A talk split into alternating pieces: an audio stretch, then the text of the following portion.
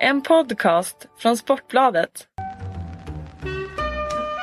In the supermarket, you have eggs class 1, class 2, class 3. And some are more expensive than others, and some give you better omelets. That's the wrong information. Wrong, wrong, wrong information. I didn't say that. That's the wrong information. Do you think I'm an idiot? Wrong, wrong, wrong information. Now look at me when I talk to you. Your job is to tell the truth. That's the wrong information. Wrong, wrong information. Välkomna hälsar vi då till eh, Sillypodden. Mitt namn är Patrik Syk. Mitt emot mig sitter Martin Tholén. Ja, Vem ska programleda det här egentligen? Du eller jag? ah, du får köra den. Jag, jag har gjort mitt pass nu. Jag har ju bara varit vikarie så nu, nu är jag tillbaka på rätt sida som säger. Ja precis, du är experten idag. Det är du och jag. Så det är programledarpodden. Så att, eh, känn dig välkommen och ta över om du känner att eh, Om inte du håller be- måttet. du är bekväm i den, i den stolen nu efter den här sommaren. Eh, det är helt okej, jag bjuder på det. Eh, jag tror däremot att eh, du är en bättre programledare än vad jag är expert. Ja, hur som Ja helst. det är nog tveksamt också. Det, Eh, det är väl bara att dyka rakt in i det för det finns sjukt mycket att ja, vi ska in och tassa på förstås eh, Coutinho, eh, det som hände i fredags. Vi ska försöka prata lite Milan, eh, det som händer där, Aubameyang eh, eh, Flörtar lite i alla fall. Ja verkligen. Eh, och sen den här maktkampen som verkar pågå mellan spelare och klubbar just nu, den är rätt intressant. mm, vi ska försöka ta ett grepp om det i alla fall. Men eh, jag tycker vi börjar i eh, Milano. Eh, därför att det har ju värvats eh, ordentligt eh, till Milanello den här sommaren, eh, minst sagt. Och med tanke på eh, ryktena, jag läste en liten grej, vi var tyckte, tyckte det var en kul diskussion att öppna med. Eh, efter Uniteds fina premiär igår mot West Ham eh, så läste jag en eh, eh, krönika tror jag det var om hur ska Zlatan få plats här? Så läste jag en annan, ett annat rykte på ett annat ställe som säger att det här öppnar för en återkomst till Milan istället för han känner att ska han gå och sitta på bänken då när Lukaku eh, blir ju given etta i, i Manchester United, det är ju ingen snack. Eh, vi vet att k- familjen trivs i, i Ja. Milan och så vidare. Jag tror att Milan själva gärna skulle se en Zlatan. liksom. Det har de väl sagt öppet ut Ja. till och med så det kan vi ju nästan slå fast. Så eh, vad tror vi om det här? Kan det, kan det hända? Ja men alltså så här, det, det, det är ju Det klart här är ju att inga United uppgifter som har kommit på att det liksom förhandlas eller så utan det här är, det här är olika Nej det har ju för men Eh. det, alltså det är ju så här att United kommer ju vara första valet. Det, vill bara United ha Zlatan så kommer Zlatan spela United, tror jag. Han kommer fortfarande ha en ganska hög lön Det är ju inget som Verkligen. stör United jättemycket för de har väldigt, Nej. väldigt mycket pengar MLS-spåret ser jag som uteslutet redan i januari med tanke på att säsongen där tar slut i december ungefär.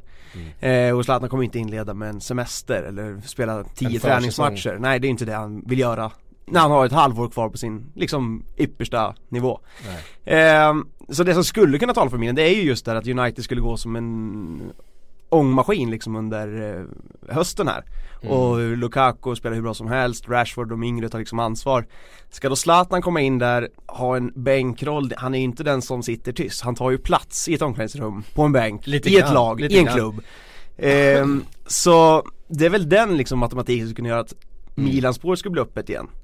Ehm, och jag vet inte, Milan skulle, det finns väl även lite pussel att lägga där och säga att Diego Costa vill spela i Atletico Madrid. Att Milan ser en lösning att låna in Diego Costa under ett halvår för att sedan släppa honom till Atletico Madrid och ha Zlatan som ett reservalternativ i januari. Ehm, det är en lösning som skulle kunna funka men som sagt jag tror fortfarande att United är först av allt både för Zlatan och om United bara vill ha honom så kommer han gå dit. Mm.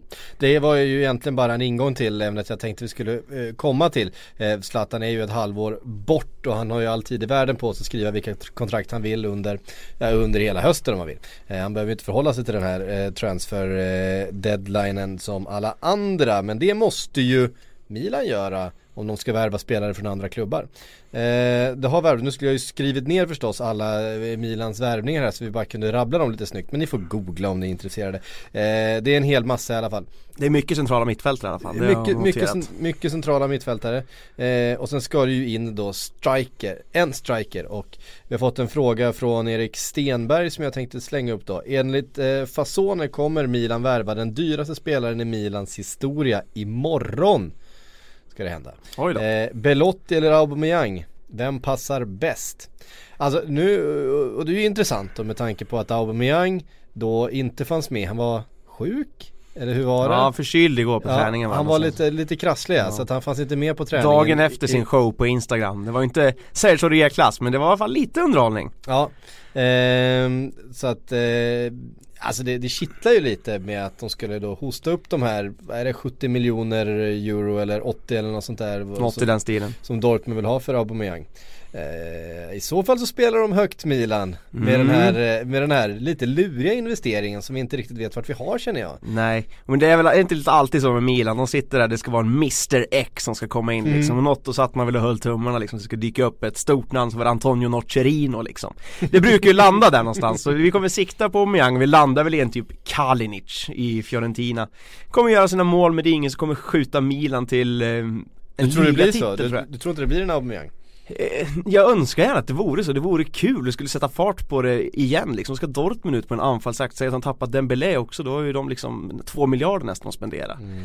Ehm, Belotti då? Varför ing, det är ingen som har gått på Belotti i sommar? Jag Nej, tycker det är lite märkligt också, det, det är lite märkligt. Eh, det har väl snackats om Milan, där det har snackats lite om Inter också tror jag Ja. Men eh, det är väl kanske den mest logiska, liksom, eh, ska man säga, drömvärvningen för Milan Mm. Kalinic kanske är den realistiska som det kanske blir Men Belotti vore ju en uppgradering från Kalinic i alla fall, det törs jag slå fast Mm.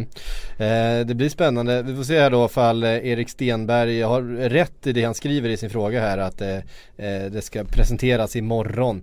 Eh, Ja det, det känns ju inte riktigt så i vibbarna liksom Nej, men, vi har eh, fått för lite indikationer Ja. inför här för att det ska vara så nära. Men det är ju kittlande med Aubameyang där som har lite förflutet och pappa är väl eh, scout i klubben fortfarande tror jag Ehm, han skulle ju liksom kunna komma tillbaka till en klubb som han har varit i liksom, det blir lite så här för Milan-fansen tror jag liksom, att han kommer tillbaka och ja, jag tror han skulle kunna passa rätt bra i Milan också. De skulle nog behöva en lite speedigare anfallstyp än bara Karnic, Belotti och Bacca och André Silva som de har också just nu. Mm. Var det inte någonting med, med Fifa, alltså jag kan inte det här med tv-spel men att någon hade mött Aubameyang på Fifa eh, i somras. Eh, det var någon som skickade till mig på Twitter men jag, alltså jag, jag, jag, jag, kan, jag har ju inte spelat spelet så jag vet Nej. inte riktigt hur det funkar. Men eh, det var någonting med, eh, med eh, att man har sådana här kort i spelet och man kunde så se att det var eh, Aubameyang själv man spelade mot eh, online. Ja Och ehm, Och han har placerat sig själv i Milan då eller? Ja, han, hans lag, ja, det var, han har ju satt ihop ett lag, det var alla möjliga eh, märkliga, jag tror han hade Pickford han hade i mål och Alltså, eh, ja, det var lite märkligt. Eh, och sådär, men eh, jag för mig att laget hette någonting med Milan.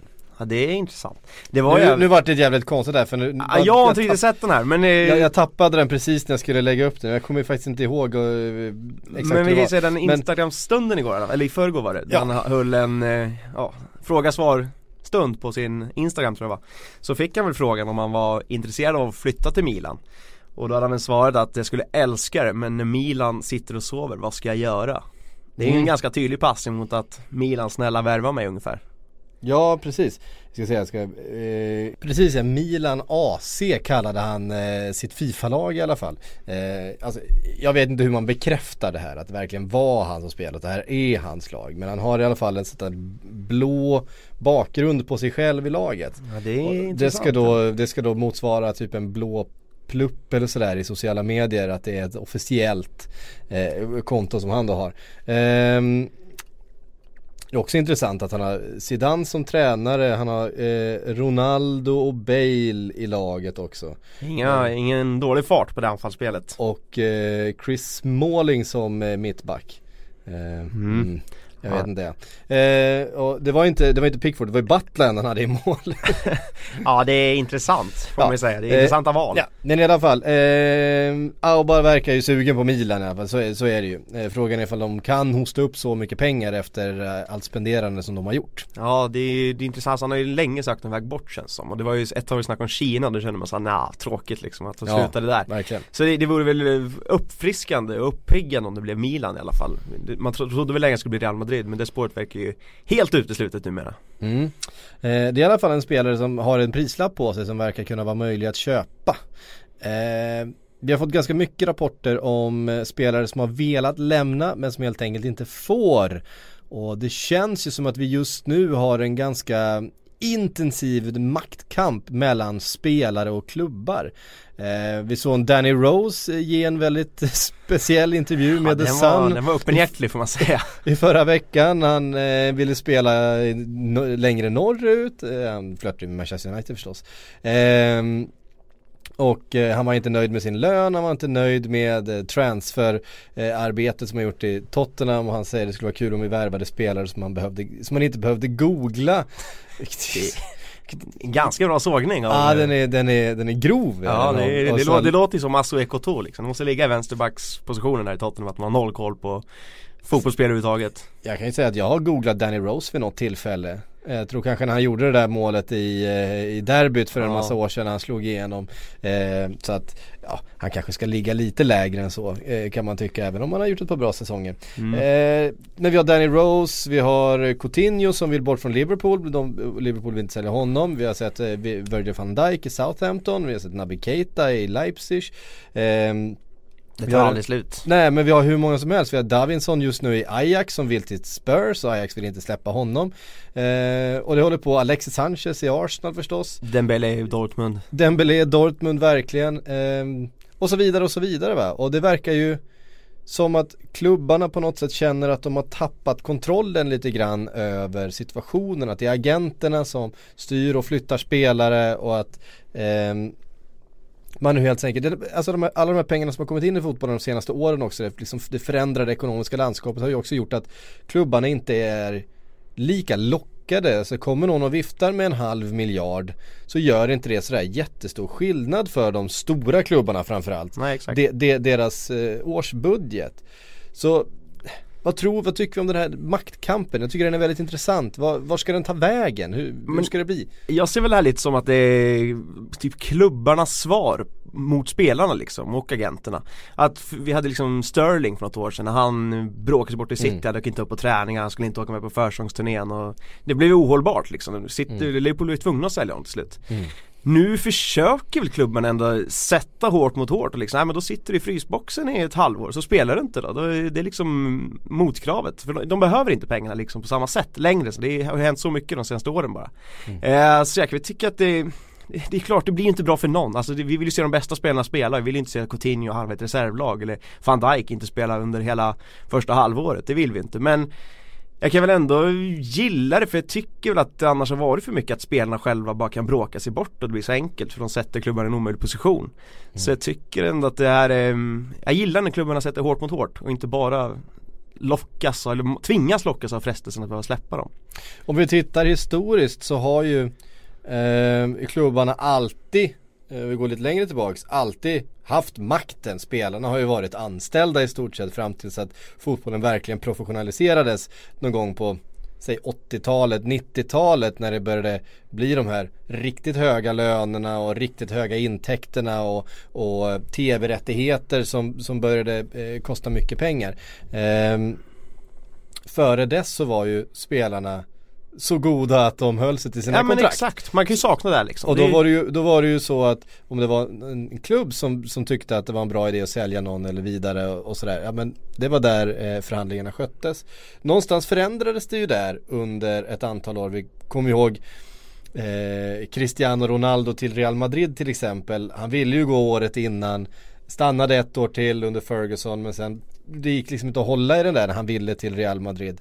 Eh, och med de pengarna och de lönerna som eh, någonstans där pikade tror jag. Sen kommer då Mendes och Raiola ehm, och satte ännu större press på klubbarna och blev ännu starkare representanter för spelarna. Att de fick eh, liksom riktiga röster verkligen och, och, och kunde diktera sin egen karriär på ett annat sätt än vad de kunde tidigare när de då fick förhålla sig till de kontrakten de skrev. Vad får det här för konsekvenser tror du att eh, klubbarna och spelarna har ju hamnat ganska långt ifrån varandra på ett sätt. Det här med klubbkänsla, det har vi pratat om Ja, många det- gånger. Det existerar inte Det längre. gör inte det, nej. Nej, utan eh, det handlar om vilka kontrakt och vilka troféer och vilka personliga liksom eh, sponsoravtal och vilka priser. Alltså det, när vi pratar om Neymar till, till PSG så pratas det ju mer om eh, Ballon d'Or än vad det pratas om eh, att vinna ligor Ja, eller liksom sådär. Eh, Nej men alltså jag tror väl lite som jag var inne på där också men att om klubbarna gör det här försöket nu, de kan ju liksom halvt förstöra i alla fall en, en kort period av en spelares karriär. Säg att van Dijk inte skulle spela nu i SA-15 och kanske inte blir uttagen i landslaget heller för att han inte har någon speltid. Då, då, säg att Holland skulle gå till VM nu som ni har uteslutit i någon annan podd här men Ja, jag, vet, Eh. jag vet inte vad som hände där. Och sen heter väl Nederländerna också, Holland, det var jag som sa fel. Men ja, eh, att, de, att de ska gå till VM och inte få spela VM liksom. Det, det är ju sådana hårt mot hårt. Diego Costa, samma situation. Eh, Nu är det ju Chelsea som vill bli av med honom kanske snarare, det är ingen som riktigt har mött Ja, där bråkas det ju på båda håll. Ja, det, är, det är- det ingen som är speciellt glad det, på det någon är inte där. riktigt Naby Keita situationen liksom. Nej. Ehm, och Leipzig gör ju det starkt där, liksom försöker stå emot. De struntar i att de går miste om 300 miljoner. För de Mm. känner att det här tar vi igen, ja, i ligaspel, kanske går till Champions League med Naby Keita i laget. Mm. Då är de pengarna liksom tillbaka. Det finns någon klausul nästa sommar sägs det som Mm. eh, ligger betydligt lägre än summan nu. Så jag gillar väl försöket från klubbarna men jag, jag inser ju någonstans i mitt eget resonemang att det här kommer ju ändå sluta med att van Dijk landar i ett Liverpool City eller Chelsea innan, innan vi har stängt det här sommarfönstret. Ja för det är ju så att en, en fotbollsspelare kan ju inte spela utan en klubb. Nej, så är det ju. Och du kan ju inte bara bryta ditt kontrakt hur som helst och flytta. Så det är, Nej. En klubb, alltså spelarna behöver ju en klubb. Och det är klart att eh, de, här bra, de här spelarna vi pratar om, det finns alltså alla klubbar i världen vill ha dem eh, på ett eller annat sätt.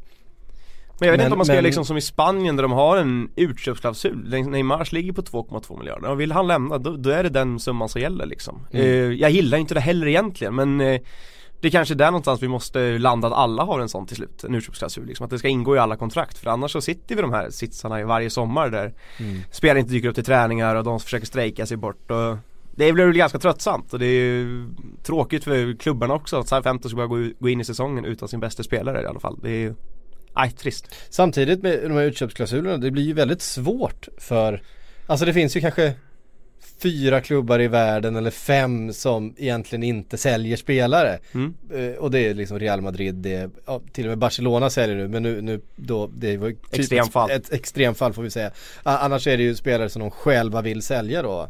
Men det är liksom Real Madrid i Barcelona, det är i viss mån Juventus och Bayern München och sen så har du då eh, rikeklubbarna men även de skulle ju kunna tappa spelare. Eh, jag tänker på Chelsea, Manchester City, Manchester United. Eh, även att de finns med också i den där gruppen. Vi har sett Arsenal tappa spelare, Liverpool tappar definitivt spelare. Eh, Tottenham skulle också mycket väl kunna tappa spelare. Eh, och sådär. Och, och, och då är det klart att alla de klubbarna då hamnar ju i en situation där om alla deras spelare har utköpsklausuler ehm, Ja då, då kan ju de här allra största klubbarna gå in och plocka, men då ska vi ha den? Ja. Som, det, när, när, när, klubb, när spelarna ändå inte liksom är där med någon slags ehm, klubbhjärta och, och lojalitet och sådär utan de är sugna på att vinna titlar och få ännu mer betalt och få bättre eh, dealer för sig själva och sådär. Ja då är det klart att du kan få den absolut bästa för Real Madrid kan erbjuda det bästa av allt just nu så som de är, de är störst och de är bäst. Ehm, Juventus kan också göra det på ett sätt.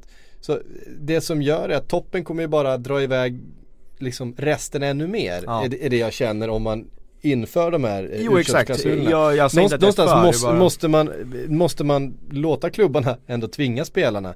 Mm. Ehm, Det skulle bli intressant att se med Liverpool nu vad som händer, om de orkar verkligen stå emot hela sommarfönstret ut. Mm. Och vad som händer med Coutinho då, om han bara accepterar och kan spela liksom ett, ja, en säsong till eller vad, Mm. vad han får för garantier.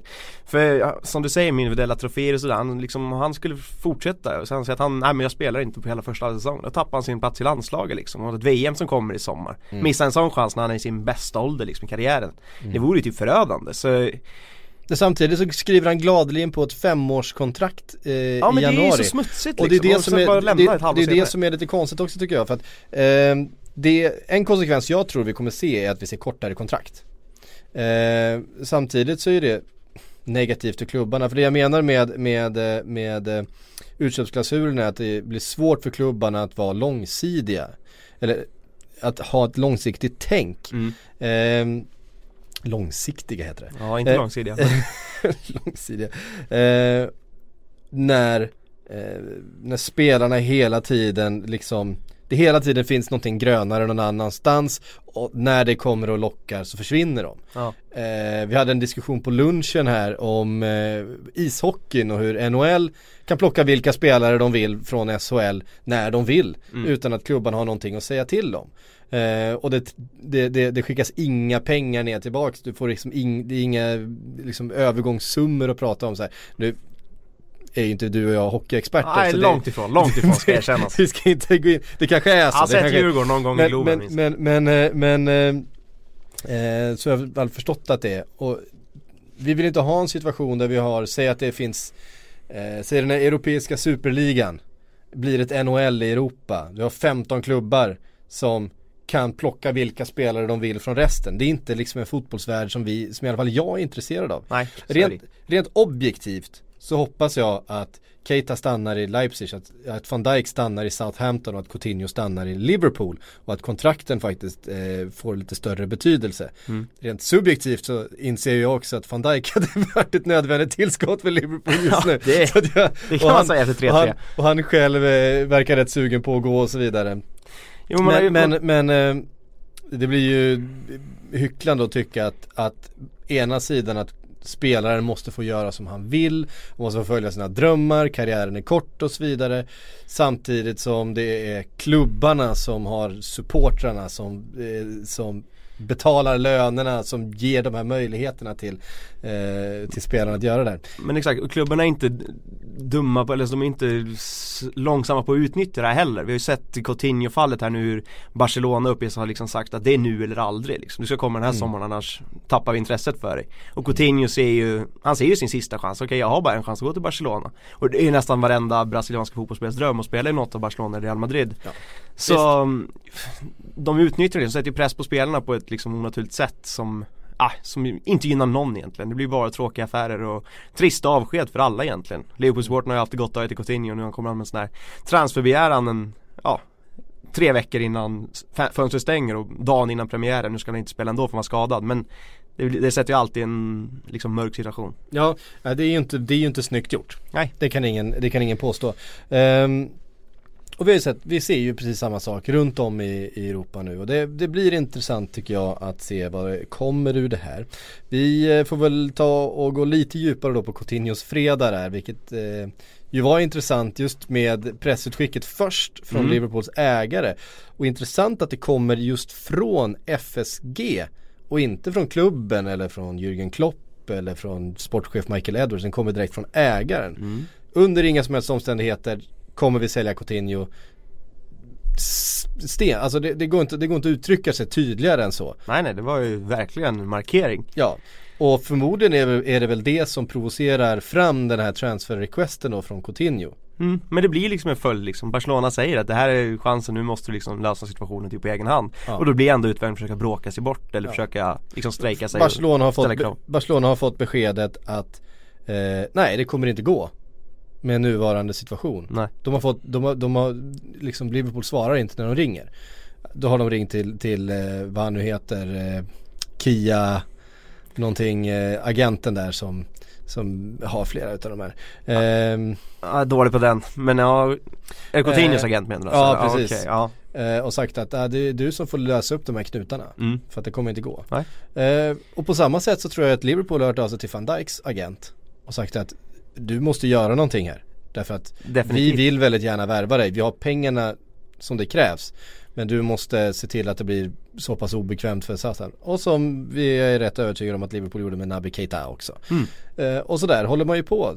Som Tottenham antagligen håller på med Davison just nu och som eh, Ja, Alexis Sanchez han kan gå sina egna ärenden. Han, han, kan, vill Han drar mest, till Paris Han vill nog mest lämna.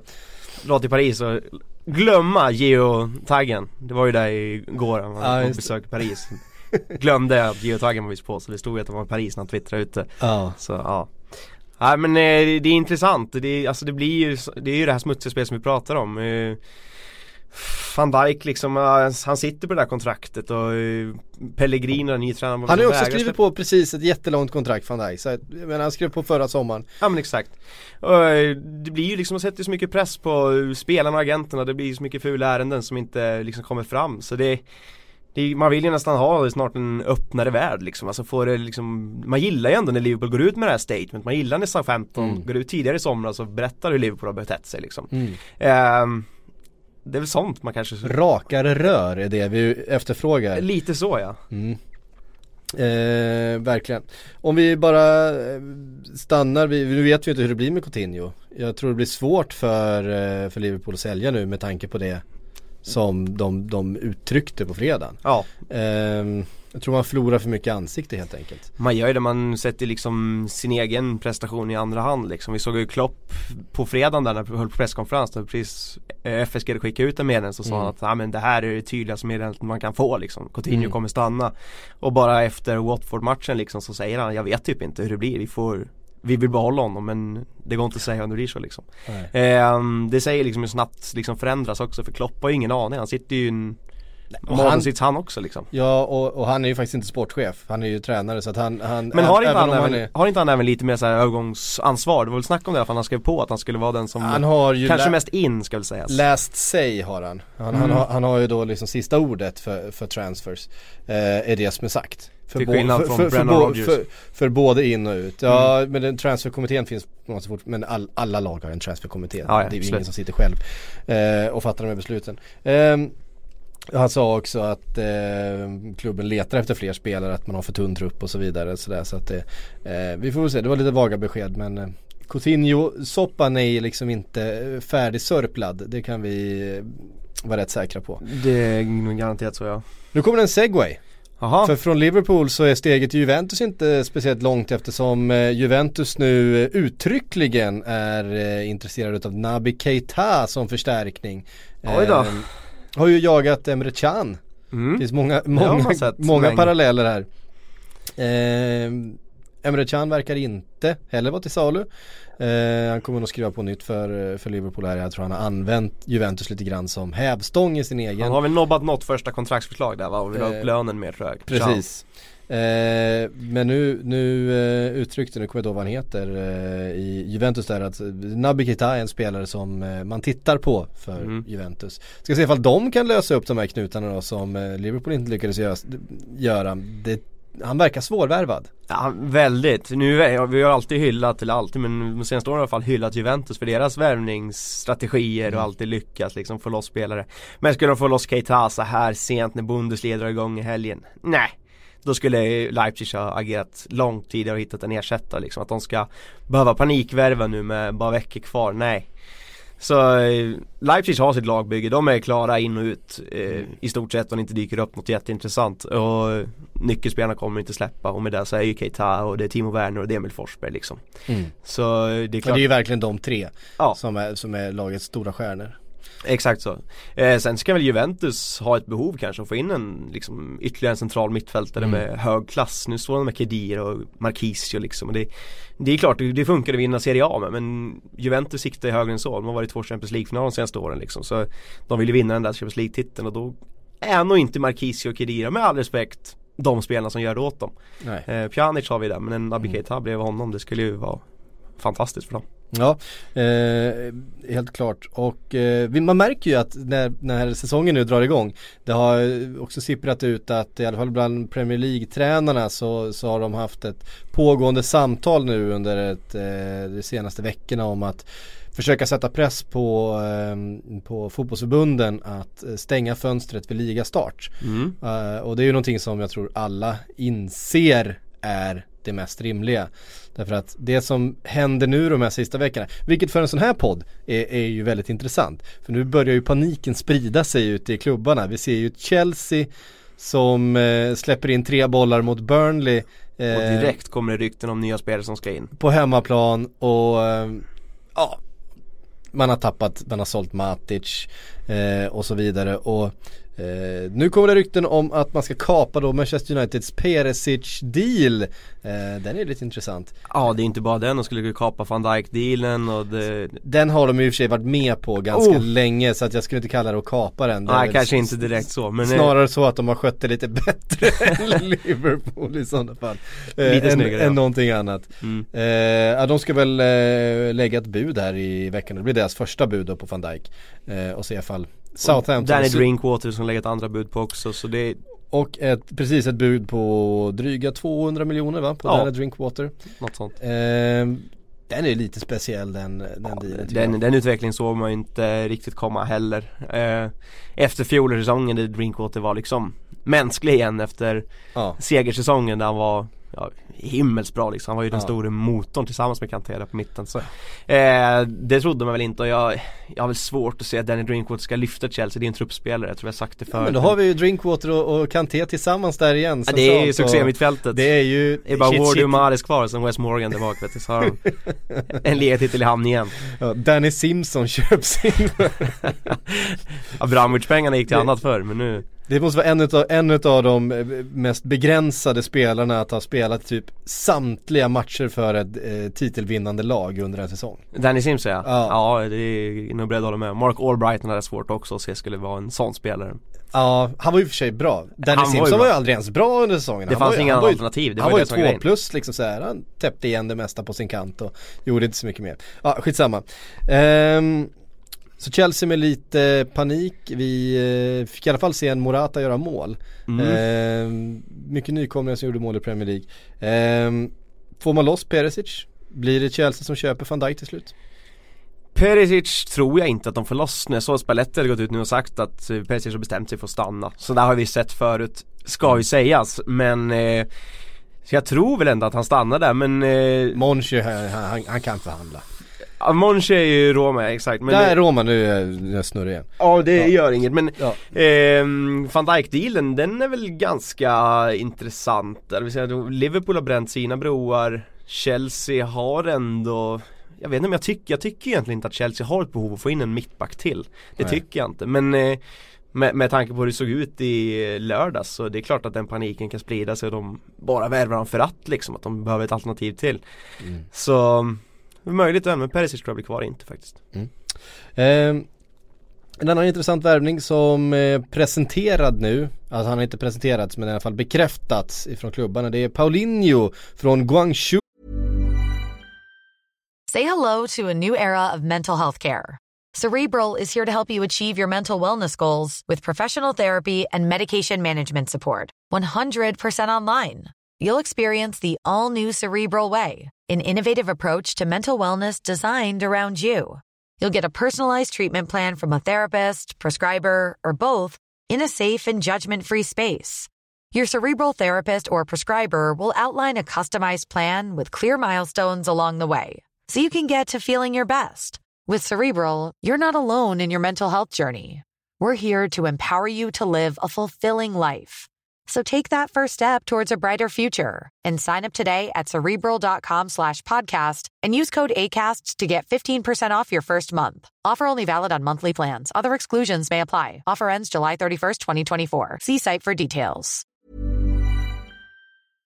Till Barcelona. Den såg man inte för ett halvår sedan du. Nej, då kändes karriären eh, på väg neråt och utför och nästan begraven men eh, Ja. han är ju het igen, det ska jag säga. Han, var ju, han har varit grym i landslaget också när han fått chans. Jag har sett Ja. några matcher som har gått på human tid. Mm. Eh, då har han ju liksom imponerat, han är ju ett ankare tillsammans med Ska vi se, de spelar med, är det Luis Gustavo där bredvid honom de spelar? Men nej det är någon annan eh, Han, också en, han spelar också i Kina, vad heter han då? Eh, Renato Augusto tror jag Ja okej. de två spelar centralt tillsammans på mitten Och han har varit liksom nyttig och viktig och bra Det Mm. man trodde att Tottenham värvade men absolut inte fick ut Ja, för han var ju bra i landslaget innan också. Det Ja, var ju men framförallt exakt. för VM där väl som han var Precis så fantastisk i som eh, man tyckte att Tottenham verkligen hade gjort ett superkap. Exakt, och eh, det har man ju sett nu i landslaget Jag har inte sett någon match i Kina ska erkännas men i landslaget så är han så igen Det är ingen som har gjort. Nej, förmodligen inte. Men eh, att han ska till Barcelona, jag är lite kluven till det. Jag tycker han riskerar för mycket med att gå dit. Jag förstår att han vill ta utmaningen, men jag tycker samtidigt när han har ett VM som kommer nästa sommar, när han har eh, liksom spelat till sin ordinarie plats där igen, att han ska riskera att hamna ett år. Jag ser ju inte riktigt att Paulinho kanske är en given startspelare där på mittfältet i Barcelona. Busquets är ju given, Iniesta, om han bara når upp i nivå och är skadefri så spelar han alla matcher. Och då är det en plats kvar att tävla om. Då har Rakitic, André Gomes och typ Dennis Suarez att slåss med. Ehm, och så att en Coutinho, Coutinho. Coutinho. skulle Coutinho komma in där också liksom och Ja. så Dembele också, då är kanske Coutinho central mittfältare på det här mittfältet. Så nej, jag är inte helt övertygad om att det är rätt val men jag tycker det är en sund värvning av Barcelona för den pengen, typ strax under 400 miljoner kronor. Mm. Får in en kompetent mittfältare liksom. En eh, bra bredd. Eh, Verkligen, får man säga. krävs. Eh, PSG då, de siktar också bredd och lite det spets. är- Eh, jag vet inte vad i hela FFP de eh, håller på med men nu eh, nu börjar det ju, Ja, men nu, ro- bör, ro- ja, men nu börjar det lukta Mbappé. Ja men alltså ror de den värvningen i hamn, då, då kan vi ju liksom stryka det här med, för då existerar ju inte det längre. Alltså det, det, då, är det ju, då handlar det ju bara om att vara skicklig vid förhandlingsbordet och hitta de, alla kryphål som finns liksom. Ehm, Men då, då hamnar vi också i en situation, säg att Uefa då skulle stänga av eh, PSG. De köper eh, Mbappé för 1,7 miljarder eller vad det handlar om nu. Ehm, jag tror det var den prislappen som, som någonstans nämndes. där, jag Ja. tror de har snackat om att Monaco vill ha lika mycket som Neymar men det blir väl lite Lite eh, mindre än så, Ja. så vi handlar väl någonstans strax under 2 miljarder Och så pratar vi också om Alexis Sanchez. Ja. Som som sagt hade glömt stänga av geotaggen igår. Mm. Eh, och som vi verkligen vill gå och som ju då är skadad. Nu gör jag sådana här stora eh, citationstecken i, i luften här för att jag tror inte han är skadad. Eh, jag tror att det är Du tror inte han är skadad? Alltså jag, jag är svårt att se, så mycket som Arsenal har stått emot den här sommaren och Wenger har gått ut så tydligt att han skulle släppa Sanchez nu Nej, jag tror inte det Nej, jag alltså, tror inte heller det men Men den där Mbappé men, alltså, alltså, men, den, men, men Mbappé, men alltså kommer det en miljard för Sanchez?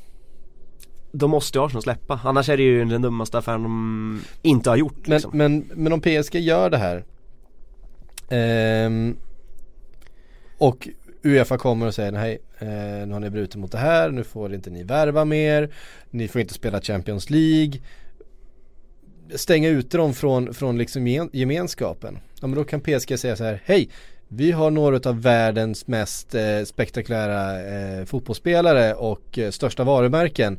Eh, jag tror att ni är rätt intresserade av att vi är med och spelar ändå. Mm. Ehm, och då kommer ju Uefa vika sig som ett, du vet, ett pappersflygplan under en jetmotor liksom. Det ja men det, ju... det sätter FN i liksom en rävsax, det var ju mycket snack förra året om det här med en europeisk superliga liksom Och skulle de då stänga av eh, PSG från all, allt Uefa-spel, Champions League och så vidare Så tror jag att vi någonstans skulle kunna ha en början där, att PSG bryter sig ur och startar någon slags egen liga och det blir någonting annat och de största klubbarna följer efter. Eh, Och där vill vi ju inte hamna, det vill väl ingen. Eh, Så jag tror, alltså Uefa sitter ju illa till och jag tror väl inte heller att de kan stå emot PSGs kraft och dominans och kunskap vid förhandlingsbordet så. Uefa eh, har ju också då eh, en del kopplingar till Qatar. Eh, precis som Fifa. Eh, och, och PSG och sådär. Och någonstans så kommer de komma undan med precis vad som helst egentligen. Det kommer de göra, garanterat. Mm. Och blir de avstängda så kommer den överklagan och sen går den igenom så är det fritt fram igen. Ehm, men det, alltså den har ju tagit ut, alltså den har ju tagit bort sin funktion, FFP. Det, det kändes som ett bra steg i början när det Mm. blev lite restriktioner. men som vanligt, det bara släpps på och sen är vi liksom tillbaka på ruta ett igen så Nej, får de loss Mbappé då, då kan vi bara släppa det med FFP, då existerar inte det. Nej.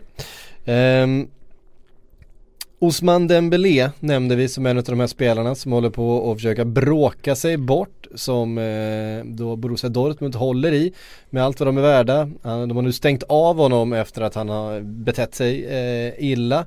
Ehm, kommer de lyckas hålla, hålla i honom eller blir han Barcelona-spelare? Han känns väl mer som en troligare Barcelona-spelare än Coutinho skulle jag säga. Så är i alla fall känslan att Dortmund också känner att det finns ändå en prislapp på honom känns som, som ligger runt miljarden. Bara Barca möter den så har vi ihåg att Dortmund har inte riktigt samma ekonomiska möjligheter att stå emot som Liverpool. Precis så, precis så. Så det känns som att det blir Barcelona där och eh, det Det är väl ett bra steg för honom nu när det finns en plats där liksom. Det, det är ett öppet mål liksom att ta, ett, ta nästa steg i karriären. Och han är ju Han är ju så pass ung så han fortfarande liksom kan utvecklas och bli ännu bättre. Och spela med Messi och Suarez där, är klart det var en dröm för honom så. Man förstår väl kanske att han försöker eh, pusha på för den flytten men man gillar det ju inte. Nej. Eh, och det kommer då rykten, eh, det, det blir ju karuseller av allt det här för då ska någon dit och någon ska någon dit och Mbappé till PSG och Alexis Sanchez till PSG. Eh, då pratas det ju om att eh, det här öppnar dörren för att Barcelona ska kunna ta in Di Maria som ersättare för Neymar. Eh, för ja, säkert ganska mycket pengar men kanske inte ens hälften utav vad de betalt för Neymar. Rent sportsligt, hur mycket sjunker man från Neymar till Di Maria? Inte jättemycket känner jag. Nej jag tycker Di Maria är underskattad alltså, så är det. Han är ju otroligt bra när han spelar med de bästa Han spelarna gjorde en svag säsong i United men Ja. säsongen innan där var han ju ju sett- definitivt en av världens bästa spelare och i Exakt. PSG har han ju varit fantastisk också. Vi har ju sett spelare ha svårt att akklimatisera sig till Premier League så det är inget nytt liksom. Ehm, Victor Nilsson Lindelöf. det kan dröja ett halvår där.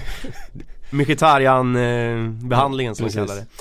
Ehm, men Di Maria, till, alltså det ryktas om hela sommaren, då har vi snack om Inter och så här. Då känns det som att ja, han kanske är på väg lite ut från liksom sänka ambitionskraven men nu är vi ändå liksom, han är kvar i PSG, nu snackas det om Barcelona istället.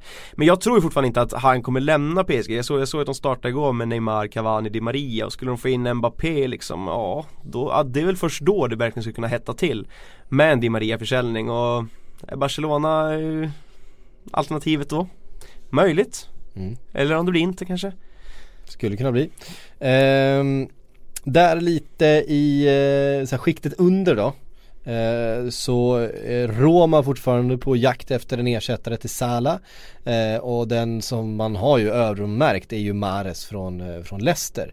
Frågan är ifall man kommer kunna mötas, det känns som att man ligger väldigt långt ifrån varandra i värderingen där. Monchi vill betala, har lagt ett bud på eh, dryga 35 vad tror jag var 35 miljoner euro Mm. eh, Medan Leicester vill ha 500 miljoner, eller 50 miljoner euro eh, snarare Ja, eh, Kommer man eh, hitta en lösning där? Jag tror Leicester inte är så sugna på att tappa Mares egentligen nej och det är ju det där med liksom ekonomiska skillnader vid Premier League som kan stå emot hur enkelt som helst egentligen. Alltså Leicester har inget behov av att försöka sälja Mares.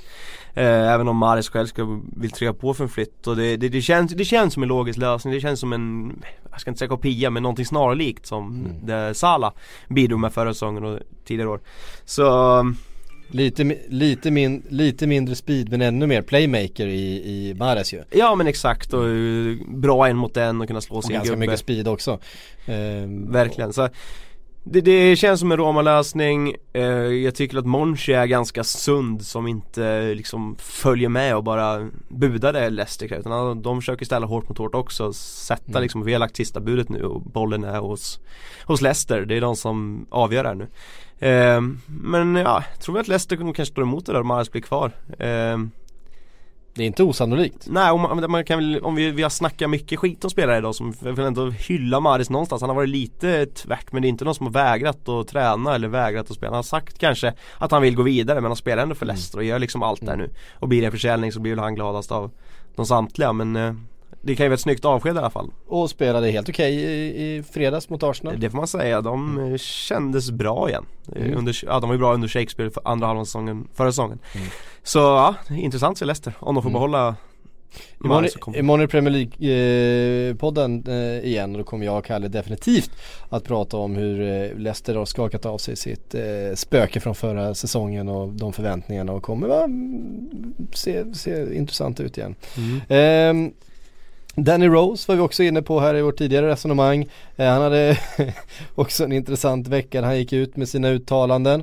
Ehm, Tottenham eh, svarade med att eh, du kom precis eh, från bloggen här, jag vet inte vad den skrevs tidigare men Coutinho inte med i Liverpools Champions League-trupp till imorgon. Eh, vet vi inte om den här ryggskadan och Ja det är väl lite det- så. Jag såg också, jag, jag trodde först att det skulle påverka hans eventuella eh, Champions League-chanser, spel i Champions League med Ja, det Barcelona. gör det det, inte. gör inte. Nej. Kvalet har ju ingen betydelse för Mm, det där. nej. Så det, det betyder egentligen så mycket. Det, vi kan väl tolka det som att han fortfarande är skadad. Eh, det där övergångskravet finns fortfarande kvar. Det kan vi i alla fall slå fast också. Eh, ja det gör det. Ehm, och Danny Rose ska då ha fått en ganska skaplig böter eh, utav Tottenham. Jag vet inte hur mycket han fick betala. Det var eh, en miljon ungefär svenska kronor. Det, Eh, det svider nog inte allt för mycket i hans plånbok ändå till slut. Det, det, det är väl en, eh, är väl en vecka. en veckolön eller något ja, sånt där. Trots att han har dålig lön som han själv uttrycker det i Ja precis. det sa han i intervjun. Ehm, men frågan är, han är skadad just nu, bakom det här finns egentligen bara Ben Davis. Mm. Eh, Spurs har inte råd att tappa honom, som det känns. Nej, speciellt när de tappar Kyle Walker redan på Mm. andra sidan backlinjen så ska de tappa Danny Rose där också så står de med sina egentligen andra andrahandsval på positionerna från förra säsongen Ben Davis och Kieran Trippier. Nu är inte det några dåliga fotbollsspelare men om Tottenham har titelambitioner så är det väl inte de Det är ju- två som Ja, ska duga hela vägen fram liksom.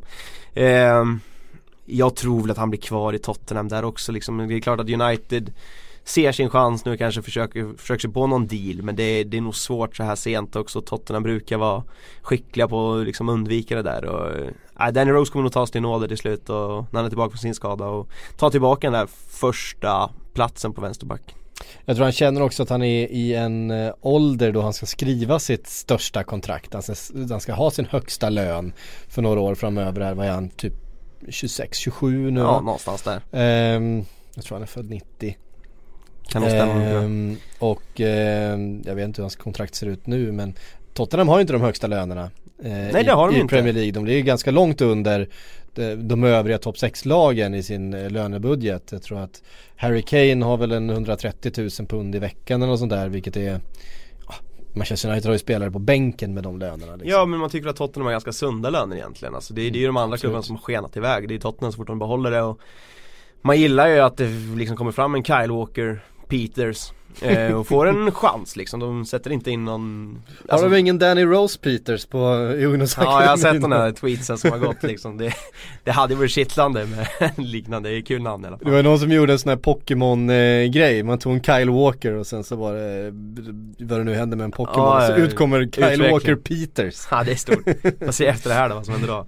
Ja, sjukt roligt um, Jesse Rodriguez, Mm. är det någon som kommer ihåg honom? Ja jag blev påmind igår när jag skulle skriva ett inlägg om honom som var på väg till Stoke. Ja, exakt, Men han, det är ju han, har ju, jätteroligt han har ju sjunkit undan. Han finns ju i den där PSG-offensiven som man har pratat om att Ja. den är oändlig. Den var ju det- väldigt förvånad när PSG köpte honom Ja också. det var ju ett, det visst, man kände hela vägen att det här kommer inte bli något som slår han håller, ju, han håller ju inte för det Nej, han är inte så bra. Han var aldrig så bra i Real heller. Utan han, han blev ett namn för att han kom fram i Real och kunde säljas till PSG. Men egentligen håller han liksom Las Palmas klass. Mm. Eh, där han var utlånad förra säsongen.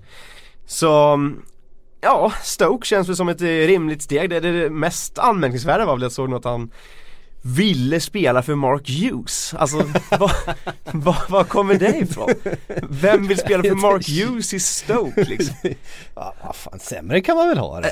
Men det kan väl inte vara en, ett skäl för att flytta till Stoke för att under ja, Mark det, det känns lite konstruerat det Ja, får man gillar när de snackar om Mourinho som Mark Hughes, nej det, jag, jag, jag hittar inte den alltså det, Nej, nej Men Eh. St- Stoke är ju intressanta där alltså det, är- Med Shakiri och det, det var Bojan och nu kommer Jesse Rodriguez Det är ju ändå en eh, tydlig förändring från det här Gamla goda Stoke som vi minns dem med Rory Delaps inkast och Danny Higginborn som skickade 90 meters bollar från Ja de har ju, sålt, de, de har ju sålt Glenn Whelan och, eh. Jonathan, och Jonathan Walter så det, Ja. det, det gör ju lite Men de ont i behåller hjärtat. lite i alla fall, plocka in Darren Fletcher Det är i alla fall ja, och Charlie Adam är kvar. Ja han är kvar, han gör sina nio inhopp ungefär Jag menar, och så, så länge Ryan Shawcross eh, står där längst bak så kommer det vara ett lag som det gör lite ont att möta.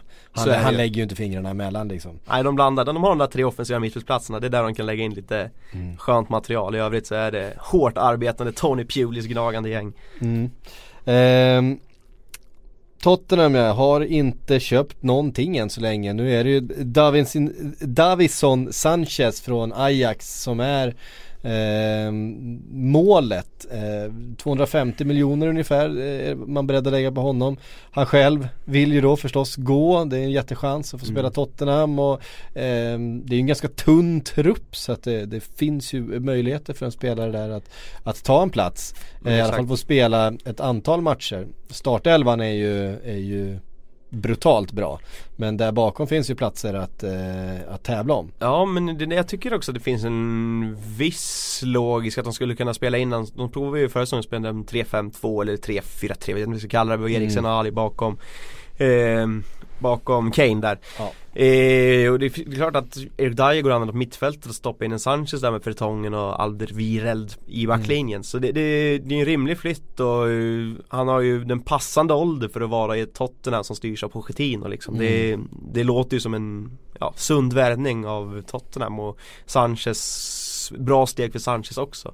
Så eh, den tror jag nog vi får räkna hem inom de närmaste dagarna. Det, Ajax kommer ju få svårt att, att eh, stå emot om, om Tottenham vrider upp lite grann på priset och sådana här saker. Det, där är ändå, där är ändå liksom fotbollshierarkin fortfarande, att de steget är så pass långt här. Eh, det är ju liksom eh, ännu längre än vad det är mellan Southampton och Liverpool eller Ja. mellan Liverpool och, och Barcelona. Det är för stora pengar för att Ajax ska Ja. kunna stå emot Ja.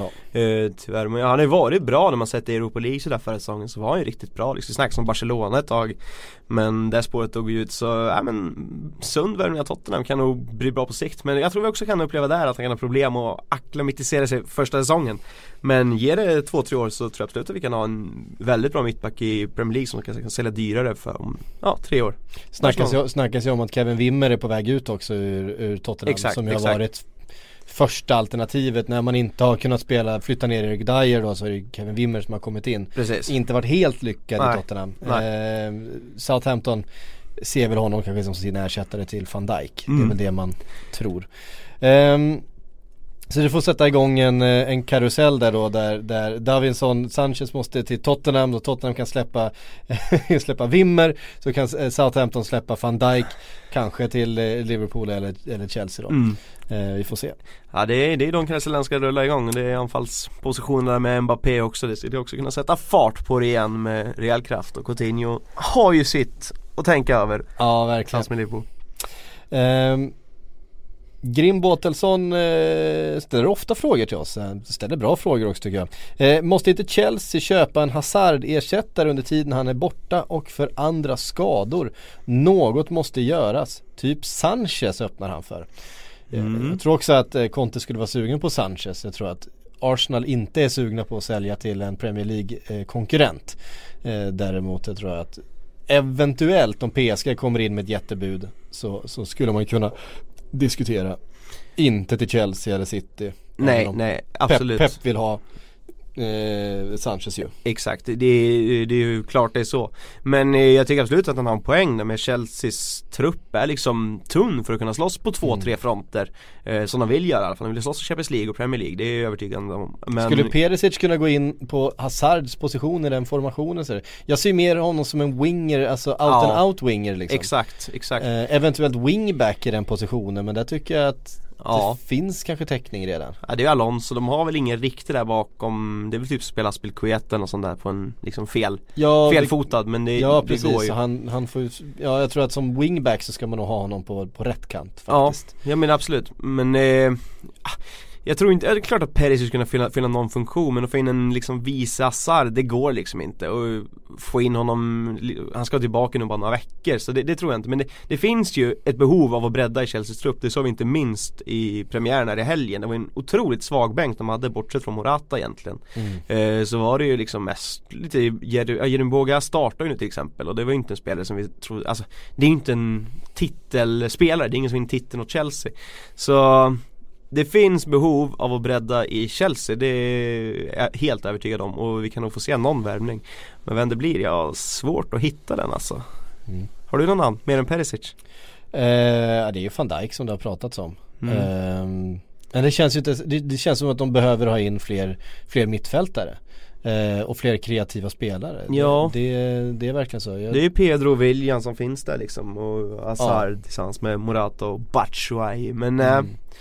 Ja, nå- någonting eh, bör de nog värva om de ska kunna slåss på flera fronter och verkligen kunna vara det där titellaget som de vill vara. Det är ju väldigt mycket press på Bakayoko också när han ska in att han ska leverera och, och vara, jag menar Fabregas har ju sina fördelar men också sina brister defensivt eh, tycker jag det som man tappar lite grann när man sålde Matic. Ja men exakt. Ehm, och att Kanté ska lösa hela den biten eh, Det kan vara att begära lite för mycket faktiskt. Ja han måste snart få slut på energi den lilla killen alltså. ja det tror jag i och för sig aldrig han får. Ehm, Låt en fråga från Emil Söderqvist. Eh, vilka spelare kan ni se PSG släppa och varför agerar inte Premier League-klubbar? Eh, Draxler tror jag definitivt de kan tänka sig att släppa. Mm. Eh, är ju en bra spelare. Eh, inte världsklass men en bra spelare. Nej går ju casha in men det, det, alltså det beror ju lite på vad som händer nu i slutet. Ska de få Ja. in Mbappé då, då har vi liksom, då är nog Di Maria kanske den som de släpper. Mm. Eh, så länge de inte har Mbappé då, då är Di Maria kvar i PSG för att bilda den där trion med Cavani och Neymar. Eh, Lucas Moura är rätt övertygad om att han, han sticker. Vart Mm. han hamnar har jag lite svårt att se. Det, det känns som att Arsenal är ett ri- rimligt steg men det känns ju inte sådär superaktuellt. Så jag vet inte, kanske hamnar i en utlåning i typ Italien, Lazio något sånt där. Roma Mm. kanske hugger honom om om Mahrez-affären går i stöpet. Ehm, svårt eh, och se vad som ska hända innan vi vet vad PSG får in. Det är lite sådär med Lazio också om de tappar Keita Balde. Eh, som ju ryktas lite, lite överallt Ja. känns det som. Spurs senast idag. Ja, Spurs senast men också med Inter och Milan Ja. och Roma och alltså hela högen länkas ju till honom men Mm. det, eh, han verkar vara svår, svårsåld eh, på något sätt. Men det är klart att om tappar de honom så eh, behöver de ju få in någonting. Ja men absolut. Så är det. Eh, Det kanske fin- blir Chelsea där förresten, en offensiv mittfältare, Lukas Moura. Det är inte helt osannolikt. Nej. En, inte vice Hazard för det är inte samma sorts spelartyp men det är i alla fall en offensiv kvickkraft. Mm. Ehm, Tintin Borg undrar hur lång tid tar det innan De Boer får sparken? Ja det Det finns ju risk alltså, det var fiasko i Inter, det, det var väl även lite så här frågetecken inför när han anställdes att kommer det här verkligen vara rätt för Crystal Palace? Man hade gärna sett Sam Allardyce där ett år till, det, det blir ju ofta rätt stabilt och bra då. Eh, nu är det så här, det kunde lika gärna bli fågel och fisk och ska vi tolka premiären så är det ju nedflyttningskris snart eh, redan nu så ah, han är väl, ska vi säga att han är först ut? Tror du det? Ja, mycket möjligt. Jag, tyckte, jag var lite tveksam Marco Silva och Watford men jag tyckte de såg ganska okej ut i premiären. Eh, så jag tror nog att det borde kan vara först ut och vi säger 9-10 matcher. Ja ja det, brukar ju, det brukar ju Det brukar ju vara en, en då. Det brukar ju spenderas tränare på Sellers Park, Sellers Park i alla fall, det kan Ja, man säga det. Eh, jag är lite inne på att Benitez kanske går själv från Newcastle. Det är av andra premisser i så fall ja. Av, Det, om det inte liksom eh, händer någonting eller, eller sådär. Ja, vi får se. Men eh, att De Boer har någonting att ta i. Det har ju inte värvats heller för att förstärka den här truppen. Nu tycker jag i och för sig att Crystal Palace har en tillräckligt bra trupp för att inte behöva ja men jag tycker deras första krig, är, kriga helt i botten. Nej liksom. exakt. Eh, men runt mitten ska man kunna vara med det här eh, materialet. Det håller jag med om. Vi får ge den några matcher till men 0-3 i premiären hemma, nej. Nej det var svagt och nu ska man åka till Anfield eh, nästa helg så att eh, ja, där i och för sig, där, där, kan- där kan man ju slänga in en eh, lite snabba wingers och in med, med bollarna i, i boxen och, och så blir det hönsgård och så Ja, blir det mål i alla fall. De har väl ett behov kanske av att ta in en mittback också ska sägas. Det var väl Sakuda var ju en starkt bidragande orsak till deras fina fjolårsvår. Mm. Eh, så det är väl kanske behov att förstärka där innan det stänger här i Mhm. slutet på augusti, början på september. Eh, Lars Torssell, han har en, knepig fråga, jag fick Ja. eh, researcha lite. Eh, tar Wycombe Wanderers hem League 2, vilka ser ni som favoriter? Usch. Ja, jag, säger, jag, säger, jag säger utan att veta division säger jag Oxford. De kan vara i League One men jag att Pep Klottet Ruiz har tagit över. Ivo Pekalski har dragit korsbandet. Eh, det är väl någon mer med svensk koppling. Ricardinho, vänsterbacken har gått i. Så jag säger Oxford oavsett om de spelar i League One eller League 2. Jag, de är favoriter. All right. Eh, Jag kollade upp oddsen, Manfi- Mansfield Town har tydligen lägst odds eh, så att vi, eh, vi, vi tror på det. Ja. Eh, eh, Loloke vill att vi ska snacka lite Valencia, var ligger ambitionen? Eh, kommer du ihåg när Valencia skulle lansera sitt superprojekt? Det, höll ju på i flera år ju. Mm. Eh, och eh, ja, det har inte blivit så mycket utav det. Det har varit väldigt mycket snack och väldigt lite hockey eh, Mm. i den fruktansvärt misskötta klubben. Ja, verkligen. Ehm, Är, är de, har de flyttat in på den här nya arenan än eller står den fortfarande och bara väntar eller? Eh, jag vet faktiskt inte. Nej, inte jag heller. De ska väl ta De har värvat eh, Simone Sasa då som var ju på lån Ja. och har köpt loss honom. Oriana har de tagit in och sen Neto då eh, var han tredje målvakt Ja, i Juventus. Juventus. Eh, vad man har köpt sammanlagt eh, ungefär 20 miljoner euro. Mm. Så har man eh, sålt Negredo till Besiktas för ja, 4 miljoner euro eller något sånt där vad de fick för honom. Eh, och så har de lånat ut, kommer du ihåg eh, eh, Zakaria Bakali? Ja, han ja, slog igenom. i PSV där. Han, han skulle bli bäst i världen typ. hattrick i sin seniordebut där i Eredivisie och det var liksom tre supermål han bara dängde in i första matchen. Det känns ju väldigt mycket holländska ligan det där alltså. Ja jo, Hypa upp en 18-åring liksom eller 17 ja, han var inte ens det. Han var Nej. nyss fyllda 16 och in och bara hängde dem från 25 meter i krysset liksom. Mm. Eh, lånas då ut från Valencia till Deportivo La Coruña Ja. Att det var en satsning som kanske inte heller, jag tror att han, han, han köptes nog lite som prestigevärvning till eh, Valencia där i början. Mm, jag Som tror det var free transfer var det inte så? De Eh, vann en dragkamp där. Han- Precis, och, gått ut. och fick loss honom och skulle liksom eh, ha en talang att bygga på. Nu är han alltså utlånad till Deportivo La Coruña. Mm. Som ju inte kanske kommer slåss om eh, någon La Liga-titel. Nej. Eh, eh, de närmsta åren. Verkligen satsning som kom av sig, Valencia. Ja verkligen, det var ju, men de hade Via och David Silva där liksom, då var det ju, det var ju, då var de nästan tredje laget efter Real och Barca, de var ju Mm. före Atletico Madrid Men sen dess har det ju bara liksom, det är ju ett man brukar prata om, jag, brukar- när jag och Kalle Karlsson satt och pratade i helgen att Watford är ett ohomogent lag liksom. att det, är, Mm. det är ju spelare från överallt och Valencia känns verkligen så också. Det är andrahandssorteringen som kommer dit och tillsammans, tillsammans bildar de ett lag sen. Ehm, såg nu att de ville ha, de har Jakob Johansson som reservalternativ om Kondogbia-affären inte blir av. Ehm, och det finns ju liksom inga pengar att värva för heller utan de får ju göra de här Nej. budgetlösningarna och då Då är det ju svårt att resa sig i dagens fotboll tyvärr, då får man nästan börja om Liksom börja om från noll och satsa på eget och hoppas att ett sånt projekt, likt Dortmund för några år sedan eh, Håller, men det Det är ju en chansning och det går ju inte bara att göra över en natt eh. Så Valencia, det är ju inte det är inte toppambitioner där längre. Vi får väl hoppas för deras skull att de undviker en eh, nedflyttningsstrid som det var tal om förra året under stora delar av säsongen. Mm. Eh, skulle de trilla ur alltså, då finns det ju risk för ett förfall liksom. Alltså att du börjar om i Det är ju en jätteklubb. Ja, det var en Det jätteklubb. var ska- jätteklubb, ja. men alltså i mångt och mycket fortfarande med supportrar och med eh, allting runt omkring. Ja men pressen är liksom, förväntningarna ligger fortfarande där Mm. Alltså Europacupspel, det är ju minimumkrav liksom Mm. eh, Så det är ju, måste vara otroligt liksom, tufft också att verka i den klubben Ja. Eh, vi har sett några tränare komma och gå mindre lyckosamma där nere också. Ja verkligen, det, det är Fråga- mer ruljans än på Sellers Park Fråga Gary Neville. Haha, Det var inget lyckat projekt det inte Men det kunde man nog listat ut innan han anställde honom, tycker jag Ja.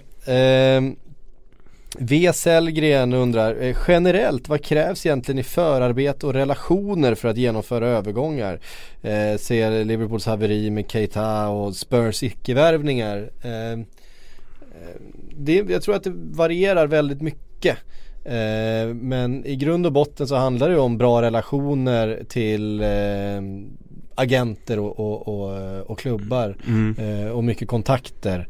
Och att man, alltså många av de här värvningarna som vi ser har det ju krattats för under väldigt lång tid. Eh, VNL till Manchester United, det har ju hållit på sedan förra sommaren. Ja liksom. exakt Ehm, och förhandlats och det är mycket knutar som ska lös, lösas upp och så vidare. Ehm, men så finns ju också exemplen där det, eller Neymar till PSG, det har hållit på under Ja men säkert Ja. två år så har de hållit på att jobba på den här dealen. Mm. Ehm, och det har ju Barcelona vetat om också förstås men, men ehm, det är ju svårt att, eh, att agera när man inte vet vad den andra ex- gör exakt. Nej men det är klart det är så, det är klart att agenterna har en stor del i det där. Vi, vi kommer nog få något litet slags facit på den här frågan i Mm. van Dijk affären Skulle de nu till slut sälja honom till Liverpool då, då verkar det inte spela någon roll att Liverpool har misskött sig och att eh, liksom de gick ut med tydligt ställningstagande att det här är Nej. inte okej Och, och, och där kan vi också vara säkra på att det har hållit på redan sen Alltså tidigt på förra säsongen att man började kratta för den här affären till sommaren. Ja men exakt. Han skrev själv i det här brevet som han skickade till eh, Southamptons styrelse att eh, Jag bad om att få lämna i sommar, det gjorde han tydligen redan i januari. Mm. eh, Så ska han ha bett då att, att i sommar vill jag lämna, klu- lämna klubben.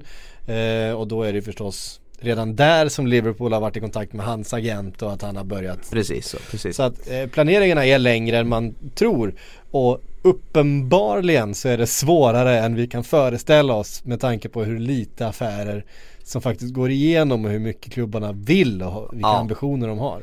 Men vi, vi har även sett, sett hur snabbt det går att liksom läka eh, relationer som är skadade med, med, vi kan säga Manchester United min Raiola. Det var ju under Sir Mm. Alex Fergusons tid så var det liksom totalt kört, det skulle inte bli en Ja, affär han var ju persona non grata på, på En exakt, eh, och liksom förra sommaren så var det tre spelare va? Det var Mkhitaryan, det var Pogba och Zlatan. Ja. Eh, Som alla bara liksom, och nu Lukaku. och nu Lukaku. Så det Det går ju snabbt att liksom läka den relationen för de är så beroende av varandra och Det finns inte så många klubbar som kan plocka de fyra spelarna Lukaku, Zlatan, Pogba och Mkhitaryan Under ett års tid, eh, så då Nej. måste Raiola svälja den stoltheten och Schneider måste svälja den stoltheten för att kunna få igenom affärer. Mm. Så ja, vi, Ja, det- vi landar där liksom. Det Det, det, är, det, är, det är agenternas marknad och vi ser ju ett försök från eh, klubbarna att försöka ta tillbaks den till viss del.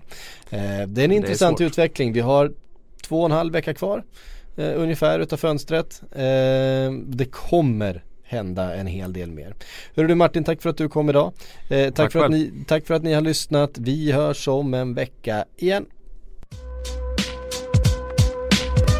I think I worked for 16 years here in England, and I deserve a bit more credit than wrong information.